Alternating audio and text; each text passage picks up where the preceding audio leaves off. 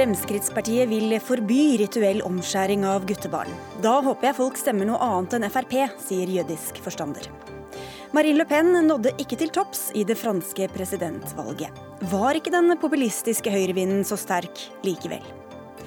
Sovevoldtekter straffes for hardt, sier lagdommer som mener strenge straffer kan ødelegge unge liv. En uttalelse som får SVs kvinnepolitiske leder til å spørre om han er skikket til å være dommer. Og Frp vil ha småpartienes hender vekk fra rattet og går inn for å heve sperregrensa. Har de fått nok av brysomme støttepartier som ikke gir så mye støtte?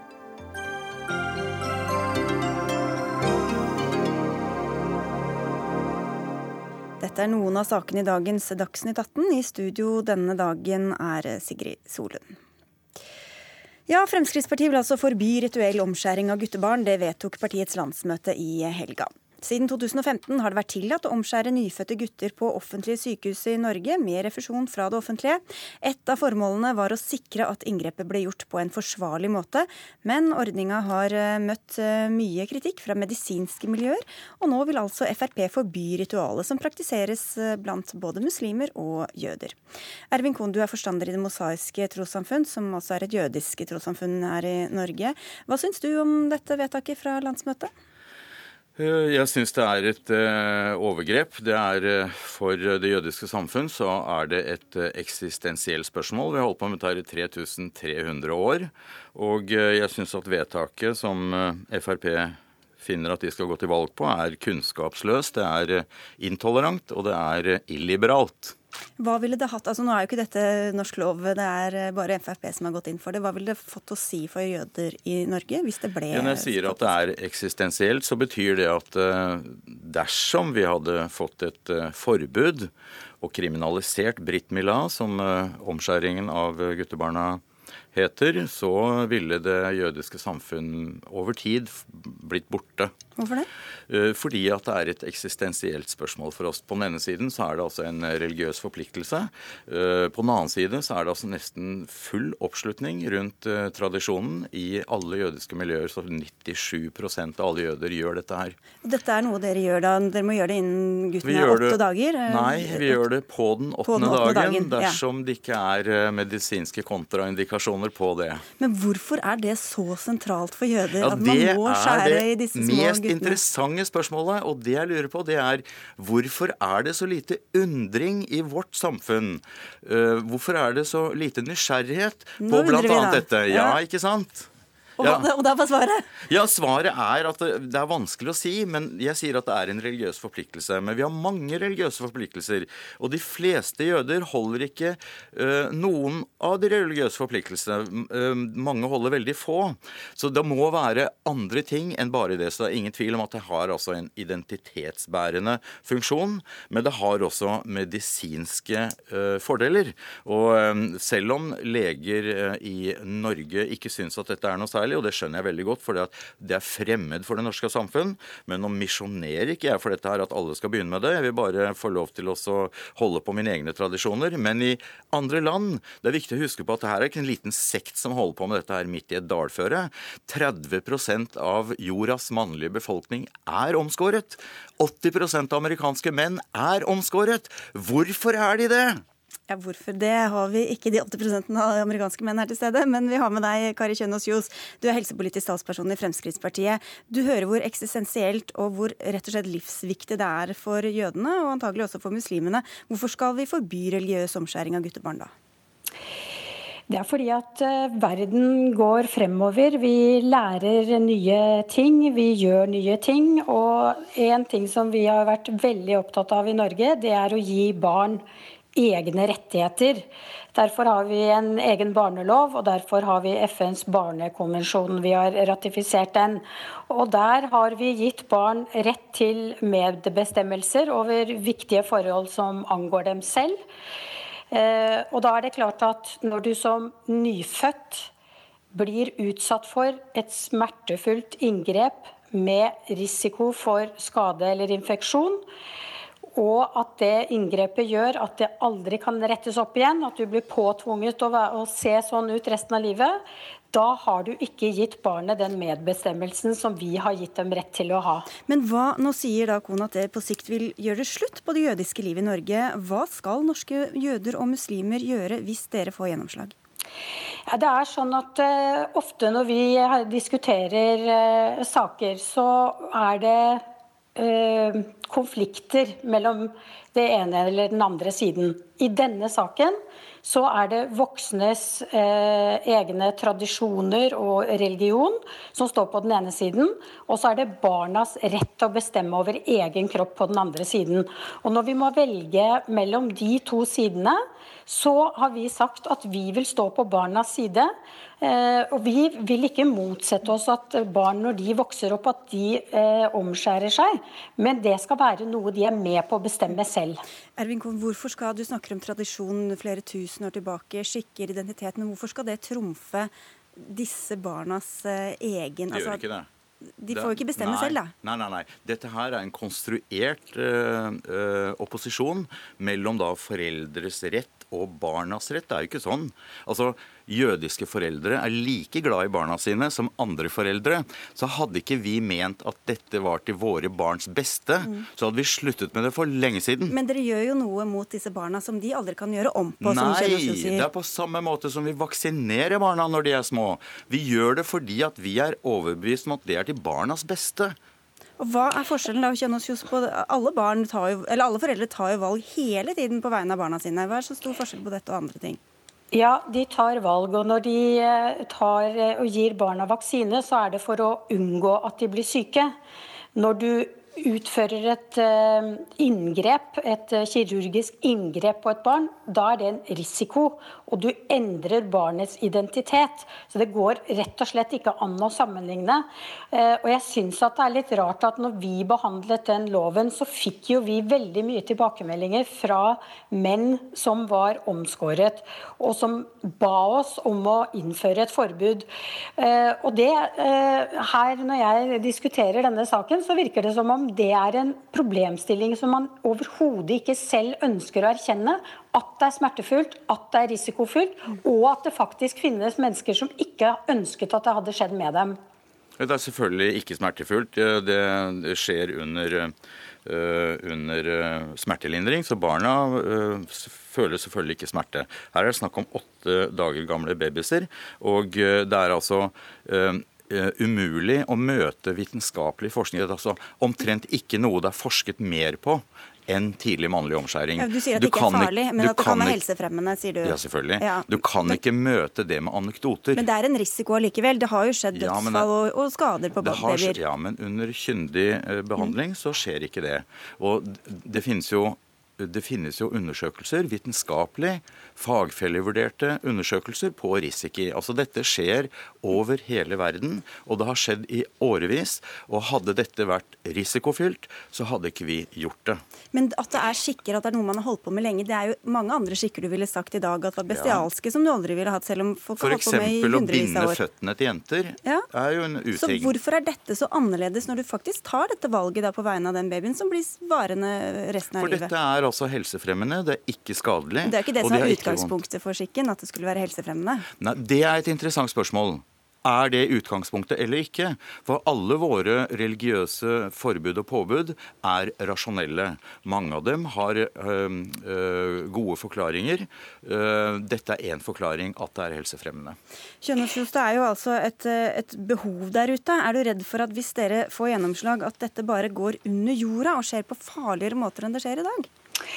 Ja, altså jeg, jeg, må bare si noe i forhold til at men det man tilbakeviser fullstendig eh, alle mulige forskningsrapporter.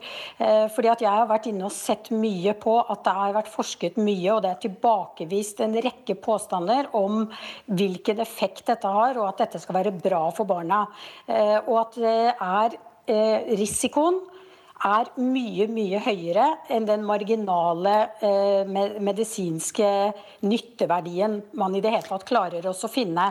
Eh, sånn at det, vi må det er greit at man har funnet en eller annen rapport som eh, man kan støtte seg til, men fagmiljøene i Norge Eh, innenfor nesten alle profesjoner har vært klar og tydelig på dette er et overgrep mot barn. De det er risikofylt, og det er smertefullt. Men disse, de, disse fagmiljøene, i hvert fall barne, barneombud og barneleger, er jo kritiske til dette. Det var de jo også da dere stemte for den loven som gjør, det, eh, altså, som gjør at offentlige sykehus kunne gjøre det ikke lenger tilbake enn til 2015. Hva er det som har endra seg siden da? Spør du meg nå? Mm.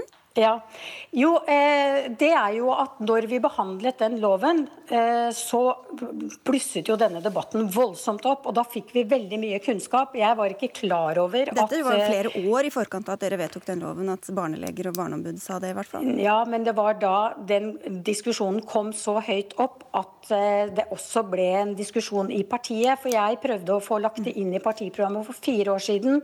Da var det ikke flertall for det. Men den enorme debatten som gikk i hele samfunnet når vi behandlet den loven, gjorde at veldig mange fikk mye mer kunnskap om hva dette handlet om. Og dermed så hadde veldig mange i vårt parti snudd. Det er så helt omvendt. Altså, Amerikanske barnelegeforeningen, støttet av barselleger og gynekologer, anbefaler dette. Her ikke norske leger. Ikke norske leger, men norske leger har jo ingen erfaring med dette. Dette er fremmed for vår kultur. Da må dessverre det bli siste ord. Vi får si tusen takk til dere begge for at dere var med, Ervin Kohn og Kari Kjønaas Kjos. Men debatten er nok ikke død, men denne kan vi tro. Dagsnytt 18 alle hverdager kl 18.00 på NRK P2 og NRK2.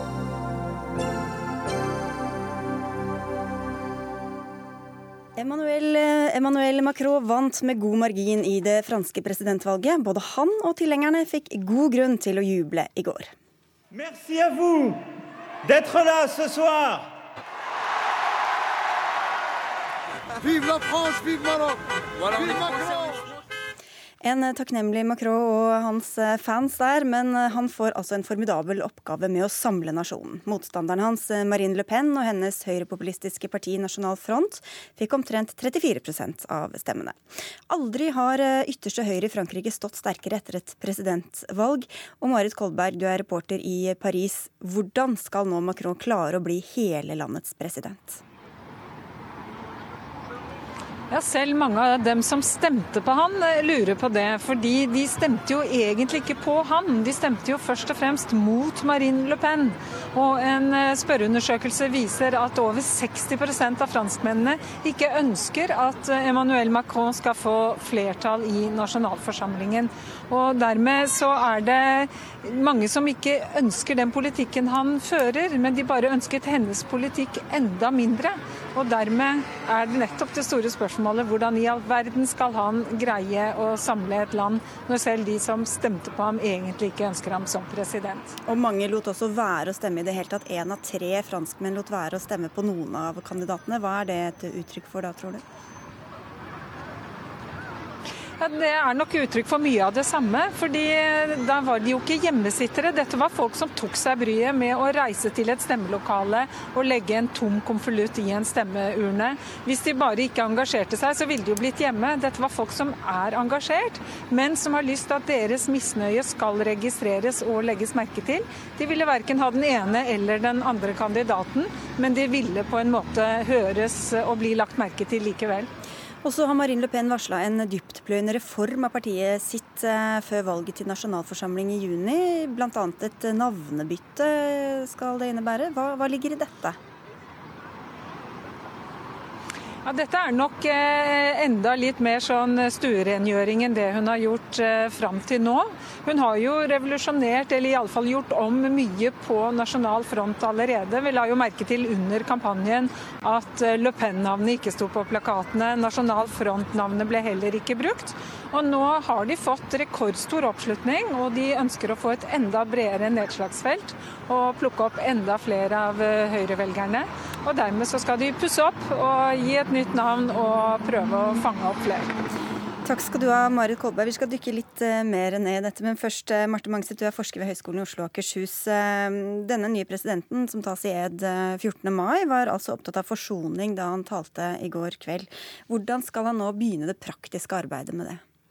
Ja, det begynte han jo i og for seg med nettopp den talen. Det at han strakte ut en hånd og sa at jeg hører deres sinne, eh, og jeg respekterer dere.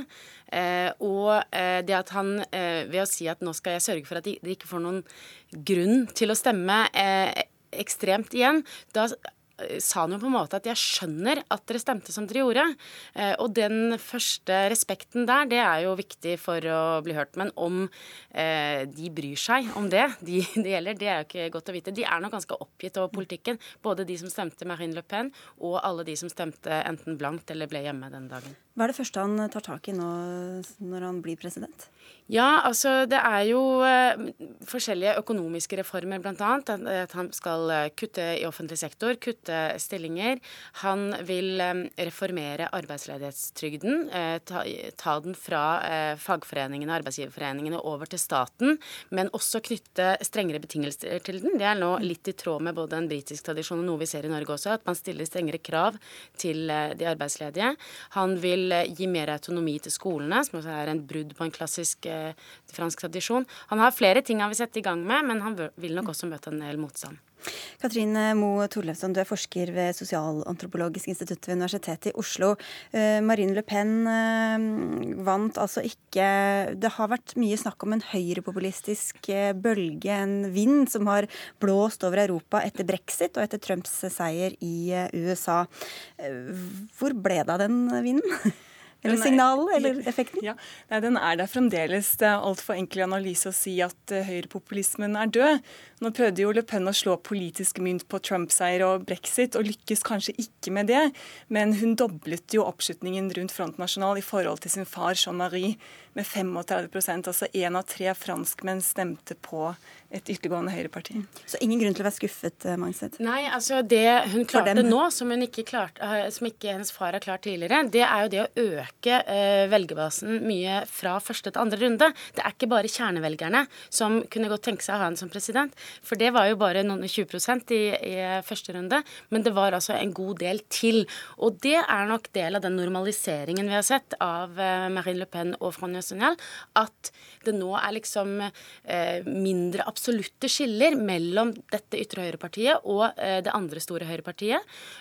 og det er også kanskje større åpninger for samarbeid på tvers av partiene. Noe som gjør det enklere for dem å få makt i parlamentet. Vi har jo hatt valg i Nederland, Østerrike og nå Frankrike hvor dette har vært veldig sentrale temaer. Eh, ingen av de høyrepopulistiske kandidatene har fått makt på den måten som eh, altså direkte makt, men hva slags innflytelse har de på politikken? De har stor indirekte innflytelse, fordi de beveger også agendaen til høyre i politikken. Det ser vi både hvilken retorikk og hvilken politikk som blir ført i kjølvannet av Wilders i Nederland og Hofer i Østerrike. Og også faktisk nå i Tyskland, hvor Alternativ for Tyskland har blitt et veldig innvandringskritisk parti.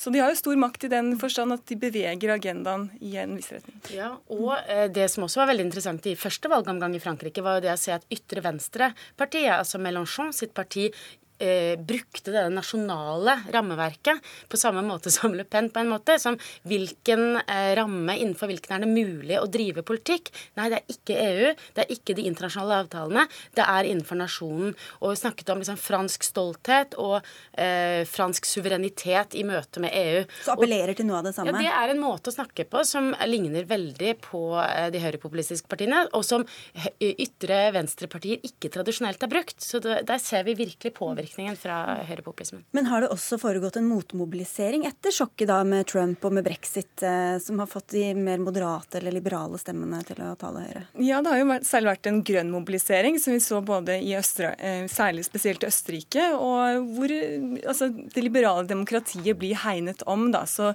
majoriteten av velgerne sier at dette vil vi ha, og vi vil ikke ha den mer aggressive, ekskluderende nasjonalismen. Så det er tydelige motstemmer. Men dere nevnte også valget i Tyskland. Hva kan Le Pens oppslutning nå, eller det som har skjedd i Frankrike, få å si for, for valget der? I Tyskland har en, et annet forhold, eh, en annen historie og annet forhold til EU. Det er mye mer avhengig av EU. Eh, e og de har også Martin Schulz fra Sosialdemokratene, som er et nytt ansikt i tysk politikk. Så her kan også han ta stemmer både fra CDU og Alternativ for Tyskland. Ja, De likhetene vi ser med, med, Storbritannia og USA, selv om det selvfølgelig er veldig mange viktige forskjeller, er jo det at det er ikke bare høyrepopulismens framvekst, men at det er delte land hvor omtrent halvparten eh, syns det er greit med en eller annen eh, leder som er eh, høyrepopulistisk på et eller annet vis, eller, eller i eh, England så det, som jeg heller vil gå ut av EU, da. Mens den andre halvparten, det er liksom ikke en minoritet, den andre halvparten vil ha en leder som er for åpenhet, for internasjonalt samarbeid og et mer inkluderende samfunn.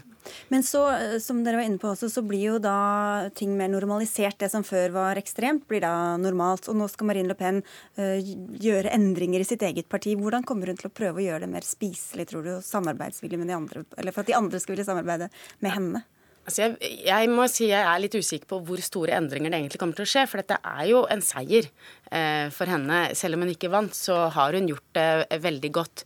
Og hun har jo lykkes i å normalisere og profesjonalisere og gjøre partiet stuerent på veldig mange måter. Det at de deltok i TV-debattene på linje med de andre kandidatene, ble akseptert av mediene og de andre meddebattantene på en måte som FN aldri har eh, blitt akseptert på i Frankrike.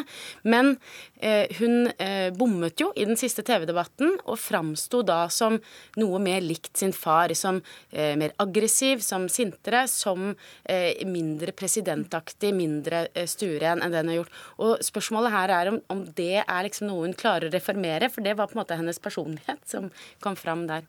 Helt til slutt der, Mo Torleifsson, altså Folkene i flere land er altså helt splitta. Hva er det som gjør uh, hvilken side folk faller ned på? Altså, hvem er det som tilhører de forskjellige leirene? Nei, hvis du ser på forskning nå, viser at det er veldig at utdanning er en viktig indikator, og også bosted. Altså Le Pen gjorde det bra i Nord-Frankrike og øst. Eh, ikke sant? Ja, og by-land er jo også veldig viktig. Ja. at eh, På landet så har mange stemt eh, Le Pen, mens i byene så er det jo massiv oppslutning om Macron. Og um, altså, Begge kandidatene har jo forsøkt å fremstille seg selv som fornyere, uh, men mange har jo stilt spørsmål ved om han Macron egentlig kan anses som noen fornyer. Men det som jeg tror er reelt her, er at at han kommer til å klare å innføre et generasjonsskifte. Så den der troen på ungdommen, og at du skal, skal bli kvitt noen av de gamle lederne i fransk politikk, det er nok noe som kanskje er mer spesifikt for Frankrike, og som ikke nødvendigvis kjennetegner de andre europeiske landene. Vi får si uh, takk og følge med. Uh, takk skal dere ha begge to. Marte Mangstedt fra uh, Høgskolen i Oslo og Akershus, og Katrine Moe Torleifsson fra Universitetet i Oslo.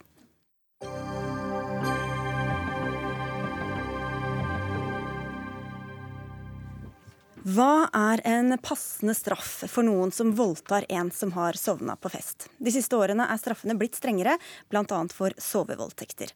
Men tre til fire års straff risikerer å ødelegge unge liv mer enn å forebygge overgrep.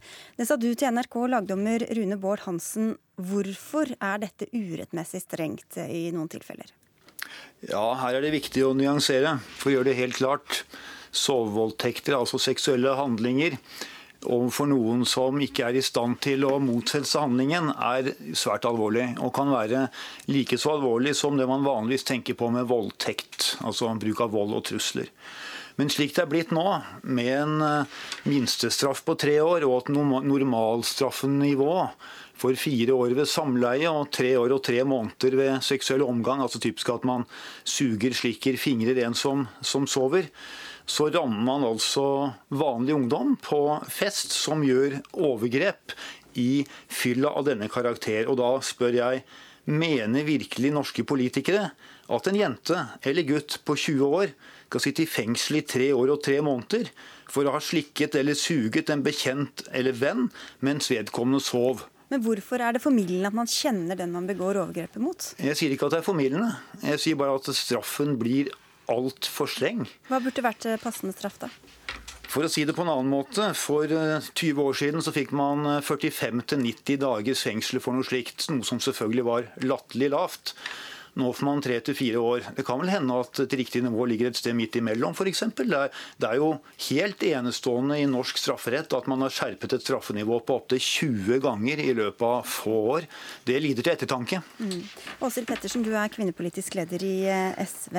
Hvorfor skal det være så liten eh, forskjell mellom å begå et overgrep med en du har kanskje rota med tidligere på kvelden, og som så har sovna, eller på å kaste seg over noen du ikke kjenner i et mørkt smug, som er den typiske det vi tenker på som overfallsvoldtekt?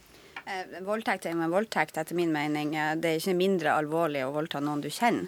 Eh, og jeg mener også at dommeren her er på villspor når han legger skylda på fylla. Folk flest drikker og fester hver eneste dag uten å voldta noen. Og hvorfor skal vi unnskylde denne formen for kriminelle handlinger? Jeg har ikke hørt noen si uff, stakkars ungdom som tilfeldigvis knivstakk kameraten sin på fest. Han var jo full, han bør få strafferabatt. Men er alle voldtekter like alvorlige, bør straffes like hardt? Med en henleggelsesprosent på 80% i voldtektssaker, så er det liten grunn til å tro at uskyldig ungdom sitter i fengsel i Norge i dag.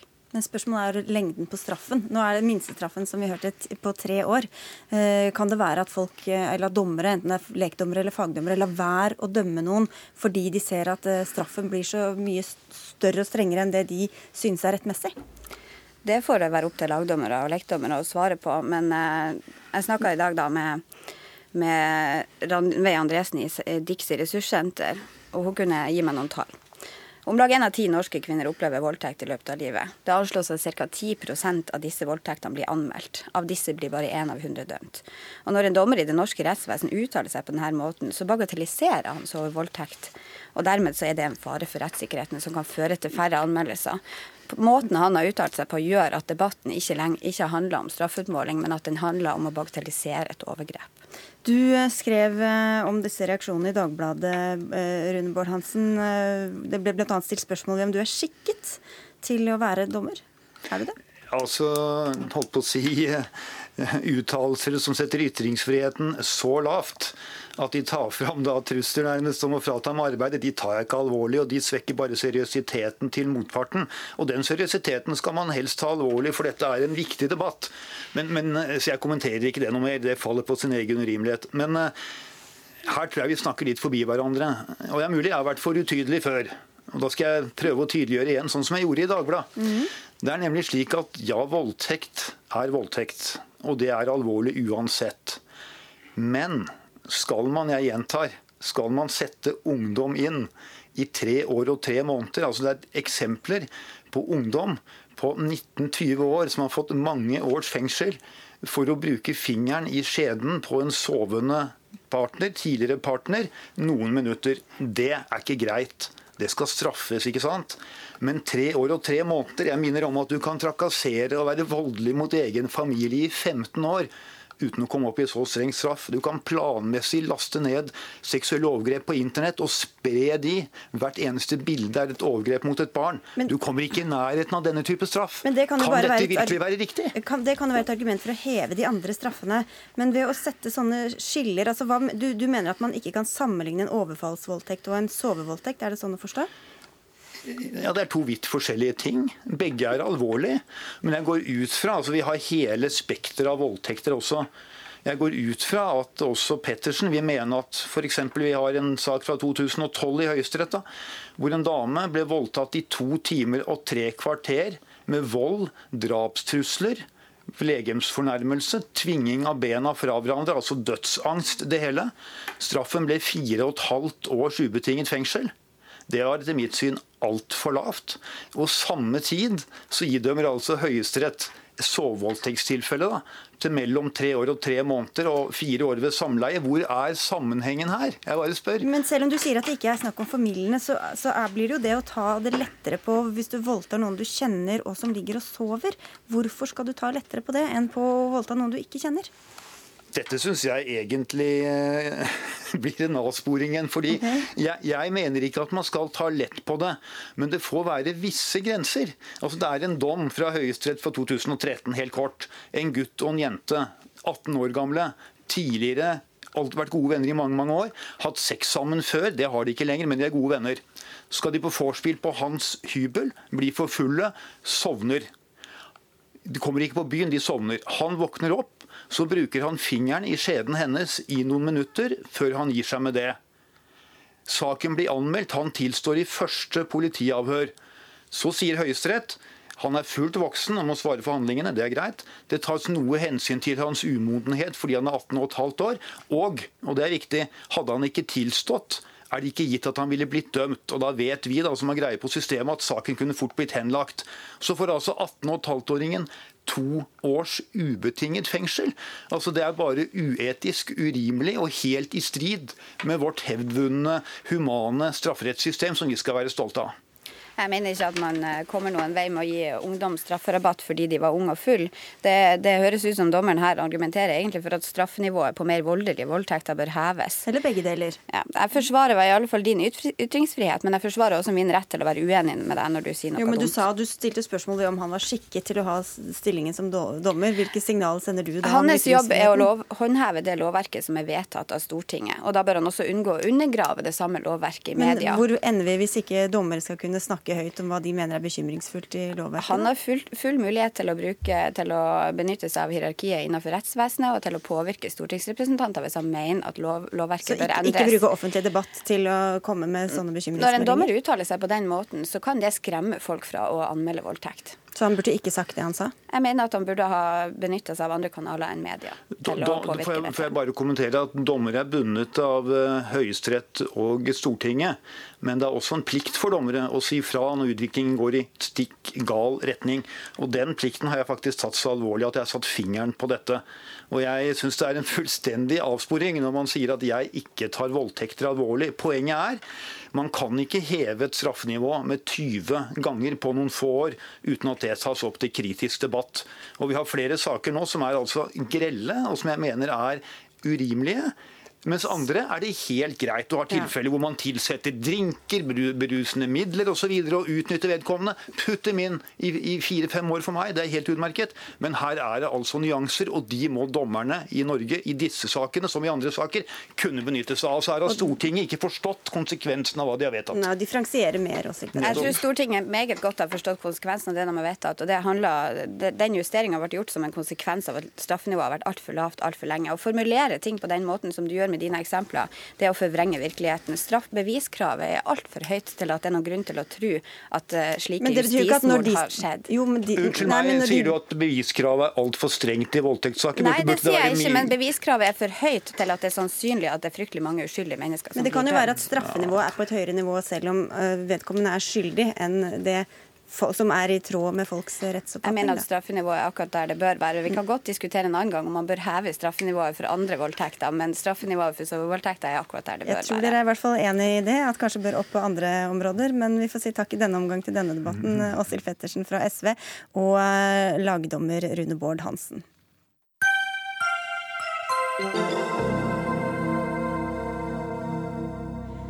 Se for deg at du har kjøpt en yrkesskadeforsikring og betalt forsikringspremien i eh, mange år. Så blir du syk, mister jobben og søker om erstatning fra forsikringsselskapet. Men søknaden blir avvist. Selv om du får støtte fra Finansklagenemnda, som har som hovedoppgave å løse tvister mellom selskap og kundene deres. Akkurat dette har skjedd åtte kunder i Trygg Forsikring som har hatt en spesiell type yrkesskadeforsikring. De har fått nei fra selskapet til å utbetale erstatning, selv om Finansklagenemnda altså enstemmig gir de åtte sin støtte, hørte vi i NRK i morges. Jørg Jensen, du er fagdirektør for finans i Forbrukerrådet. Trygg Forsikring er i en særstilling, sier du, når det gjelder å avvise yrkesskadeforsikring, og har sett på tallene. Og hvordan begrunner du det? Ja, det, det er jo sammenligning hva som har skjedd i 2017 med hvor vi sammenligna Trygg eh, med de andre selskapene. Og en ting er jo at Trygg har fått en veldig mange saker. De har fått en klynge med saker som gjelder yrkesskade. Eh, det er vel åtte i antall, eh, så, som de har tapt i nemnda. Og så er de systematisk så er det den avvisninga av uttalelsen fra nemnda. Så hvis noen skal tegne denne forsikringa, så vil du advare dem mot å tegne den i Trygg? Ja, det er bare en liten korreksjon. Altså, dette er jo ikke noe som folk flest tegner. Nei, det er arbeidsgivere, eh, det er arbeidsgivere som, som, gjør det. Sånn at det går gjennom en slags kollektiv ordning. Da. Mm. Eh, men det som er spesielt, er at eh, disse sakene blir avvist når du får medhold som, som klager. Da. Og Hvor viktig er denne utbetalinga i disse tilfellene, altså for de som tegner disse forsikringene? Ja, den, den er jo, altså, En ting er at, at forsikringsselskapene kanskje ikke betaler ut på tapt bagasje eller en telefon som er mista. Det er relativt små beløp, men her snakker vi om beløp opp i 740 000 kroner. Eh, ja, Trygg Forsikring vil ikke kommentere denne konkrete saken med de åtte, eh, fordi en tilsvarende sak går for retten nå. Men Ole Irgens, du er kommunikasjonssjef i Trygg Forsikring, og dere vil eh, gjerne kommentere påstanden om at dere er i en særstilling når det gjelder å avvise yrkesskadeforsikring. Hvorfor er ikke dette riktig? Nei, Det er jo bare å se på, på tallene fra Finansklagenemnda. Det er rett at vi har disse åtte sakene nå i år.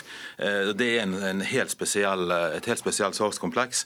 Men eh, vi hadde altså to yrkesskadesaker i fjor for Finansklagenemnda. Vi hadde fire i forfjor og én i 2014. Eh, så vi har altså hatt færre slike saker de tre siste årene enn vi har så langt i år. Så det er ikke noen systematisk avvisning. Snarere vil jeg si at vi ligger Eh, ganske lavt. Eh, og når du tenker på at vi i fjor hadde 1200 yrkesskadesaker eh, som vi avgjorde i Trygg, og to av de gikk til behandling i nemnda, så er det vanskelig for meg å si at dette er en systematisk avvisning av denne type saker. Nei, kan jo ta statistikken. kan vi krangle litt om de tallene, men I 2016 var det tolv forsikringssaker som ikke fikk aksept. Hvordan er det for de andre selskapene, da? Ja, Det er litt fordelt. Altså, I fjor så var det vel eh, Jeg vet ikke om Trygg hadde noen ikke aksepter i fjor, det tror jeg ikke de hadde.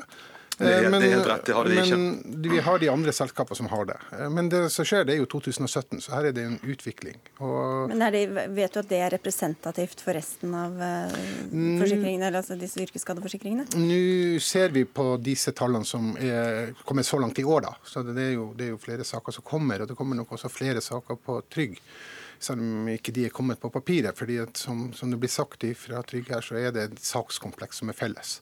Men er, det da, er, er da Trygg i en særstilling når det gjelder å avvise disse typer ja, forsikringer? Ja, fordi det er ingen saker. F.eks. i 2016 hadde du har åtte ikke-aksepter. Altså det at de setter til side en uttalelse fra nemnda. Så da, det er, eh, Du kan ikke redusere disse åtte til én. Eh, det er åtte forskjellige saker.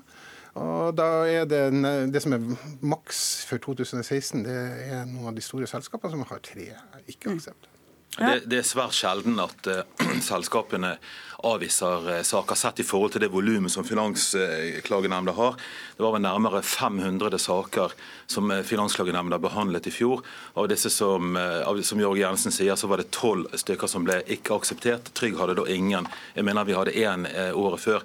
Sånn at når, når, når, Jensen prøver å henge en slags bjelle på katten her og si at vi er i en særstilling, jeg mener det er feil. Han tar de åtte og sier at ja, vi er de verste i klassen. Eh, Eh, glemmer å se på statistikk og, og historikk, og der er, utmerker vi oss ikke i noen særstilling på noen måte. Jeg har vel egentlig ikke brukt ordet versting her, men eh, jeg kan forstå at det blir brukt uh, mot Trygg. Jeg ønsker jo at Trygg skal tilbake til praksisen fra 2016, og ikke innrette seg en ny praksis i 2017. Hvordan reagerer folk da, Irgens, når de har betalt på en forsikring i årevis, og så får de kravet avvist? Altså Det som vi er opptatt av i forsikringsbransjen, det er å utbetale et, en rett erstatning til våre kunder. Eh, og I denne type saker så er det ofte relativt, eh, en relativt omfattende prosess som skal til. Eh, vi skal ha dokumentasjon, vi skal samle inn eh, eh papirer som gjelder for kanskje 10-15-20 år tilbake i tid. Eh, så når vi da fatter en, en, en, avgjørelse basert på det, så mener vi at vi har, eh, at vi har fattet en riktig avgjørelse. I, I, yrkesskadesaker generelt så skal vi være helt overbevist om at den skaden som forsikringstaker har, at det faktisk er en yrkesskade. Du kan gjerne ha vondt i, i ryggen eller i nakken eller i en arm, eh, men det skal altså skyldes en lidelse eller en skade som du har pådratt deg i jobbsammenheng. Eh, og det, det, er helt klart at, eh, at, eh, mange blir jo fortvilet når de, når de da får vite at de ikke får den erstatningen de hadde sett for seg. Men vi har da et ansvar for å utbetale en rett erstatning, dvs. Si at erstatningen skal være relatert til den forsikringen man har. Ja, for Hvis ikke går det utover alle de andre forsikringsgrunnene, Jensen, som betaler ja, høyere premie? Her, her, er det jo en, premie, en dekning som gjelder trygghet for de som jobber offshore. Eh, for å være helt konkret. Det er disse åtte som vi snakket om? Ja, det er, det er de som vi beveger oss på. Det er de som vi reagerer på. Mm. Eh, det, er ikke, det er ikke noe av de Yrkesskader generelt det er jo ingen aktualitet, men akkurat disse her som har en lisens for å jobbe offshore, de har en eh, sjømannslege som sier at nei, du er ikke frisk nok til å jobbe. Og Da mister du også retten til å jobbe med yrket ditt. Og Da er det skal du ha yrkesskadeforsikring utbetalt eller ikke. Det er sakens materielle innhold. Ja, og Det kan jeg, jeg kan jo bare kommentere kan, på Det, det, det som, vi, som, er det, når man begynner å overprøve sjømannsleger at ting blir vanskelig. At legen til eh, Trygg skal vite bedre hva som eh, egner seg for, for disse arbeidstakerne, det, eh, det, det, er der konflikten oppstår. Da var vi tilbake til utgangspunktet. Skal du få en siste kommentar på det, Jørgens? Ja, jeg kan jo bare si veldig kort eh, når Jensen nå nevner det, at det er jo eh, som han sier, akkurat der uenigheten står. Mm. Vi mener at det er forsikringsselskapet sin lege som skal gjøre den medisinske vurderingen som ligger forut for en forsikringsutbetaling, mens, mens motparten vår mener at det er da sjømannslege eller petroleumslege som skal gjøre den vurderingen. Der er det uenigheten i bunn og grunn. Men jeg må jo da si at når det er motparten, så er det i samla finansklagenemnd, hvor det også er andre jurister som er fra forsikringsselskap. Så her står de alene. Her står de i en særskilt eh, posisjon. Da får vi se hva retten kommer fram til eh, etter hvert. Takk skal dere ha begge to, Jørge Jensen fra Forbrukerrådet og Ole Irgens fra Trygg Forsikring. Hør Dagsnytt 18 når du vil. Radio NRK Radio.nrk.no.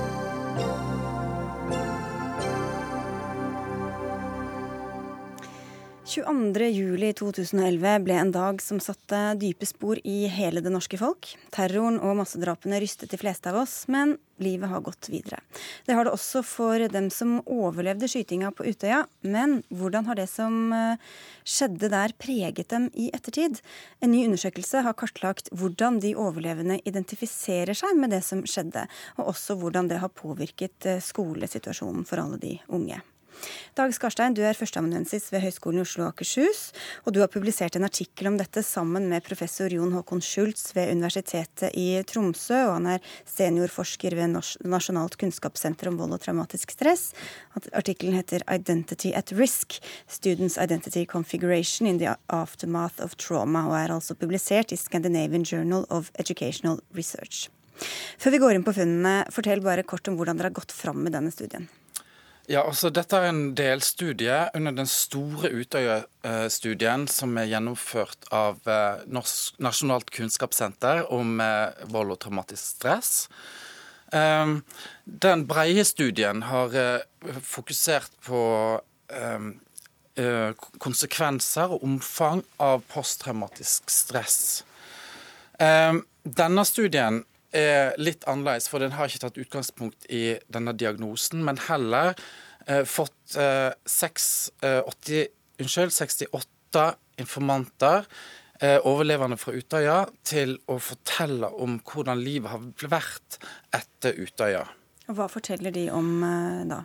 Ehm, de forteller, deres fortellinger handler om hvordan de har endra seg hvordan de var før Utøya, og hvordan de har blitt etter Utøya. Med Utøya som et eh, vendepunkt. Så eh, det som på en måte rammer inn fortellingene deres, det er fortellinger Det er altså endra identitet. Du var inne på dette med posttraumatisk stress, for det er ganske mange som forteller at det går dårligere med dem på skolen, i eh, studier. De får dårlig konsentrasjonsevne, de sover dårlig osv. Og så er det folk som da forteller til dere at de kunne fått hjelp til å stryke karakterer eller på annen måte um, fått hjelp til å liksom klare seg bedre. Men har de ønsket å gjøre det? Har de gjort det? Eh, det ser vi ganske klart i vår studie at de har bedt om lite hjelp. De har uh, hatt rettigheter, de har hatt, uh, fått muligheter òg, men de har rett og slett ikke bedt om det. Og hvorfor ikke det? Uh, nei, Det er det som er så overraskende, på en måte. Fordi at Um, det virker som om det å ha overlevd Utøya har ført med seg et slags stigma. De har rett og slett uh, De forsøker å skjule at de, har vært på Utøya. Og de forteller òg uh, Og hvis de ikke kan skjule det, så forsøker de å, å uh, kontrollere oppmerksomheten som blir retta mot det å ha vært på Utøya. Og dette henger jo sammen med den identiteten som du var inne på. Hva slags identitet er det de da føler at de blir pådyttet utenfra? Eh, ja, Det er det vi forsøker å beskrive i denne her artikkelen. Det er altså um, slik at en, en, god identitet det handler på en måte om en sammenheng mellom hvordan du føler inni deg, og hvordan eh, omgivelsene gjenkjenner deg. Det må være en form for match mellom disse tingene. Eh, og samtidig så trenger man også føle at man har en slags kontroll over identiteten sin. Eh, men det som har skjedd her, eh, er at eh, identitetsdannelsen deres har blitt veldig overtatt f.eks. av mediene. Det har blitt skrevet sider opp og sider ned. Vi har hatt ekspertråd, eksperter som har fortalt på en måte om hva man kan vente seg av disse. Eh, mer eller mindre fiksjonelle romaner har blitt utgitt. Eh, dokumentarer med streng eh, dramaturgisk regi. Og alt dette her er jo eh, slik at man har fått bygd en identitet som eh, er utenfor deres kontroll. Mm. Og Da snakker vi om ofre, og vi snakker om helter. Ja, det er på en måte de to identitetene som har utkrystallisert seg i media. Og det som eh, skjer med eh, Det vi ser i disse intervjuene og fortellingene, det er at eh, helteidentiteten blir ikke fortalt om. Den gir altså rett og slett ikke noe gjenklang i sånn de føler inni seg. Um, så det er da en, på en måte en identitet som er konstruert utenfor dem, men som ikke matcher. Mm. Og når det gjelder offeridentiteten, så eh, er den ganske prominent i fortellingene deres. Og det er en veldig problematisk identitet å ha. Eh, den er problematisk fordi at den alltid blir utsatt Altså, Offeret blir alltid utsatt for en mistanke om at en bruker offerrollen sin til å få fordeler, til å få oppmerksomhet eller sympati. Um, og, og i, i, i, den sosiale debatten, så, eller i sosiale medier kanskje først, oppsto dette her begrepet med å spille Utøya-kortet. Eh, og det er et ganske sånt effektivt retorisk begrep for å få noen til å tie stille, på en måte. Eh, så det har vært en Det er mange fortellinger om at man er redd på en måte for å trekke oppmerksomhet til seg og da kommer under den mistanken om at man ber om sympati eller eh, oppmerksomhet. Og du, Dere forteller jo eh, ganske rystende også om folk som rett og slett blir mobba fordi at de var på Utøya, som jo er nesten umulig å forstå. Men også om at folk blir behandlet som kjendiser nærmest i lokalmiljøet mot sin vilje. Ja, um, um, det, um, når man kommer i media, så, så, blir man på en måte kjendis. Men disse har jo ikke bedt om oppmerksomhet sjøl. Så det er fortellinger om at man blir ofte invitert på fester, veldig ofte invitert på fester, og så kommer man um, um, dit til fest, og så har de som er der, snakker om deg på forhånd. De veit masse om deg. For du er Utøya-offeret eller Utøya-kjendisen? Ja, og de liksom. vil på en måte assosieres med deg. Um, fordi at det å bli assosiert med disse innvirker òg på din egen identitet. Det, blir rett, det, blir rett, og slett populært å være sammen med deg. Det fører til at man eh, opplever utrygghet i forhold til omgivelsene sine. De har endra seg. Mm. Og når det gjelder Nei, nei. Vi, vi, begynner å gå tom for tid. Jeg skulle bare si da til slutt, fordi Du snakket om dette med å dra Utøya-kortet. ikke sant? At ja. noen da blir mistenkeliggjort uh, hvis de i det hele tatt snakker om Utøya. Hva vil du si til dem som, uh, som, sier det? Nei, De kan ta det helt med ro. Man kan rett og slett uh, gå ut ifra at det kortet ikke blir spilt. Så hvis man er urolig for at det kortet skal bli spilt i utide, så kan man rett og slett slappe helt av. Vi får si tusen takk til deg, eh, Dag Skarstein, for at du kom hit til eh, Dagsnytt 18. Du er førsteamanuensis altså ved Høgskolen i Oslo og Akershus.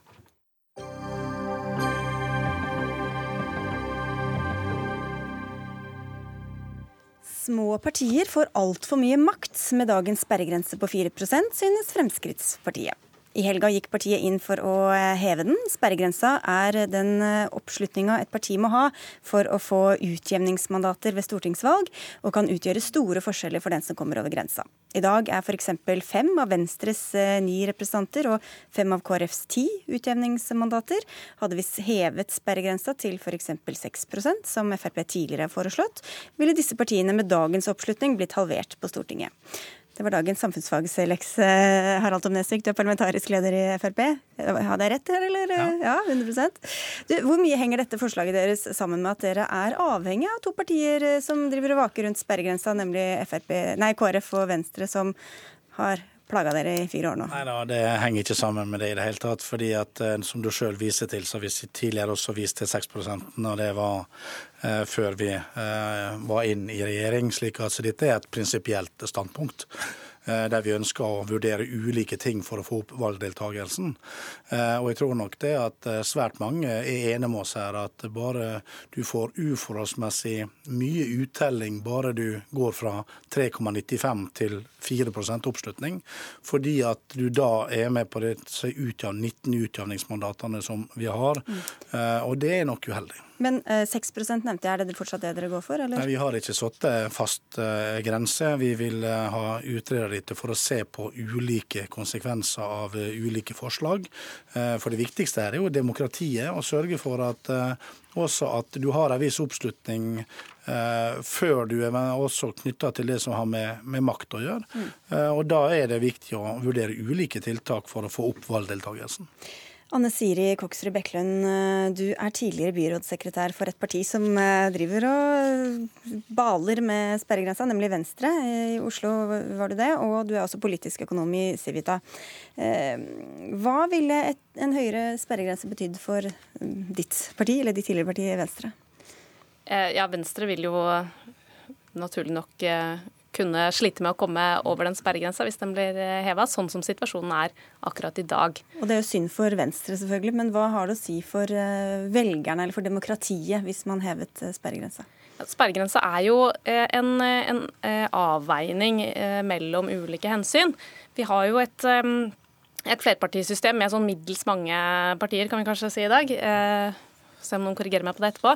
Men, eh, eh, men, men, det er jo en avveining mellom det ønsket om at flest mulig velgere skal føle seg hørt, at deres stemme skal telle eh, på den ene siden, og at de skal kunne være representert. Og på den andre siden så er det, eh, må du selvfølgelig ta hensyn til styringsdyktighet og den typen ting. Men ulempene da ved å gå mot færre partier, sånn som man vil gjøre hvis man hever sperregrensa, eh, det er jo nettopp da at velgerne vil kunne føle seg mindre representert. Det er også et problem at det er jo ikke sånn at de mindretallssynspunktene forsvinner ved at man eh, får færre partier. Det er bare det at en del av de diskusjonene blir da trukket inn i de større partiene, og så vil de ikke lenger diskuteres i like stor grad i offentligheten. Så det, det kan også føre til mindre demokrati. For det første så Det vil ikke føre til færre parti, fordi at sperregrensa Færre parti på Stortinget, i hvert fall? Ja, men altså, Nei, heller ikke det. For sperregrensa dreier seg om hvorvidt at du skal være med og kjempe om de 19 utdanningsmandatene å gjøre. Eh, slik at du kjemper på lik linje med alle de andre 150 eh, representantene.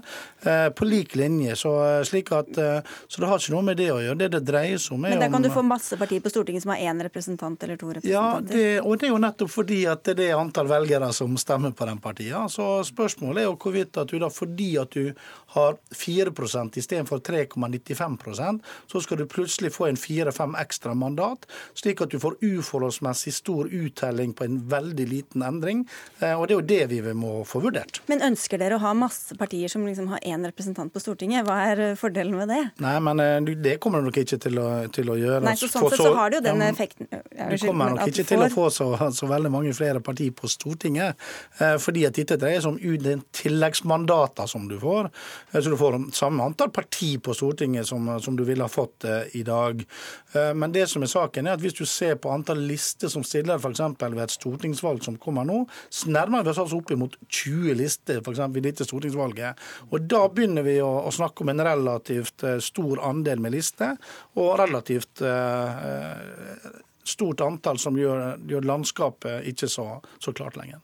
Ja, men Utjevningsmandatene er jo eh, en ordning for å gi mer eh, representativt eh, Eller at Stortinget blir mer representativt. Så jeg er ikke helt enig i fremstillingen. Men, men jeg tror, jeg tror at det, det, vil selvfølgelig være sånn da at en del velgere vil føle at det ikke er noe vits i, at det ikke er noe poeng i å stemme på det partiet de er mest enig i i sitt fylke. så i realiteten så vil da man få færre partier eh, som har påvirkning? Som det vil føles uh, verdt å stemme på. Og det kan jo ha negative konsekvenser. Ja, dessverre så jo det, blir jo ikke det riktig, fordi at når du går og stemmer ved noen, altså utjevningsmandater som dette er snakk om, det vet du ingenting om hvor faller ned på. For det er overskuddsstemmer for hele landet, og det kan falle ned i forskjellige typer fylker. Men det er kanskje mindre fristende å, å, stemme på et parti som ligger liksom under sperregrensa på meningsmålingene, enn et som ligger et prosentpoeng over? Nei, men Da er det altså oss politikere. Altså, vi må altså da sørge for at vi som politiske partier blir attraktive, at det er vår politikk som man stemmer på, og ikke ut ifra antall utjevningsmandat, men faktisk at man har tro på politikken. Og Da vokser vi også som politiske parti, og da kommer vi godt over den 4 ja, For dere har ligget under en gang, dere også? ja, vi har lagt mange ganger under 4% vi, vi er et parti som skifta i 73, og det er helt åpenbart at uh, meningsmålinger tar en opp og meningsmålinger tar en ned. Men det som er viktig, er å vurdere ulike tiltak her, både for å få opp valgdeltakelsen, men også styringsdyktighet. Og så er det mange som mener at de små partiene har for stor innvirkning over politikken. KrF og Venstre f.eks.? Eh, ja, det er det jo noen som mener. og Akkurat nå så er det Fremskrittspartiet. Nei, jeg mener tvert imot at i mange saker så, så er det jo motsatt av det Fremskrittspartiet gjerne hevder. Nemlig eh, de sier at, eh, at det er de små, at de små partiene ta, kommer og har veto i en del saker som nesten ingen mennesker er opptatt av. Men tvert imot så viser det f.eks. sånn som saker som vern av Lofoten og Vesterålen, så, så, er det jo en stor støtte i folket som det kanskje bare er Venstre og KrF og småpartiene som Vestland. Vi skal bare få inn en tredjeperson. Jeg skjønner det. Johannes Berg, du er forsker ved Institutt for samfunnsforskning. Har du noen fasit til oss? Er dette bra eller dårlig for demokrati og valgdeltakelse? Ja, Det kommer litt an på hvilket perspektiv man har. Når det gjelder valgdeltakelse, så tror jeg ikke det har noe å si i det hele tatt. Det er ingen forskning som tyder på at dette vil påvirke valgdeltakelsen.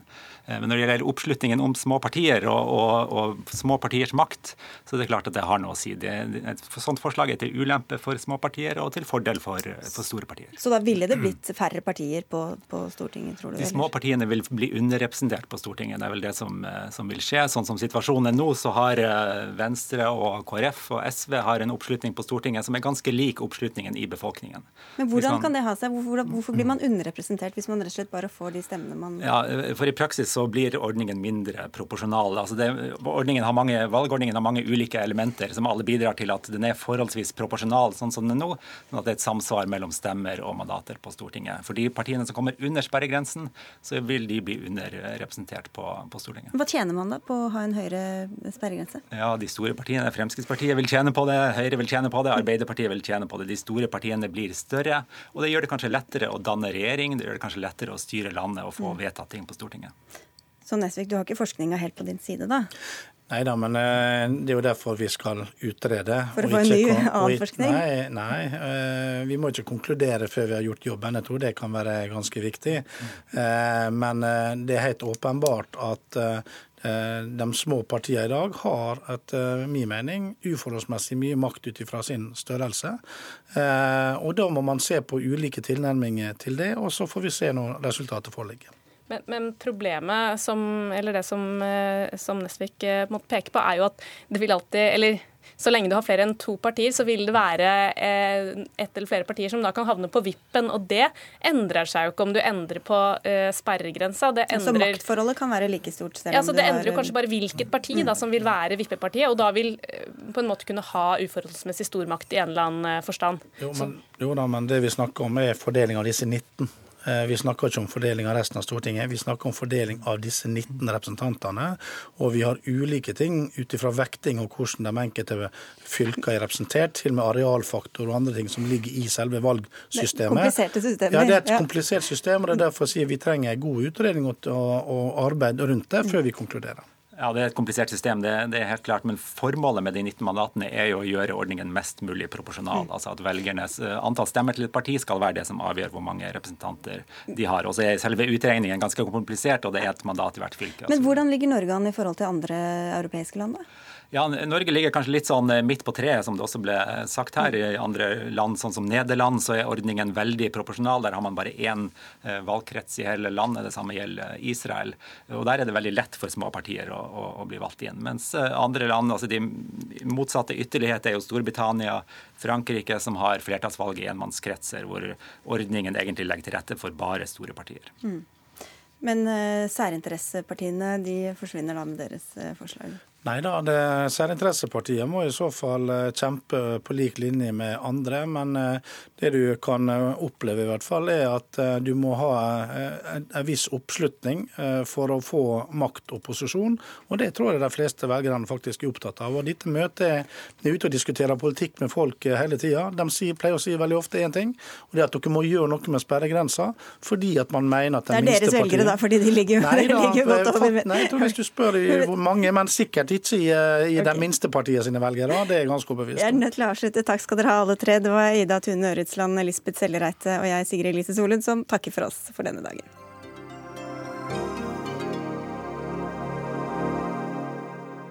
Hør flere podkaster på nrk.no podkast.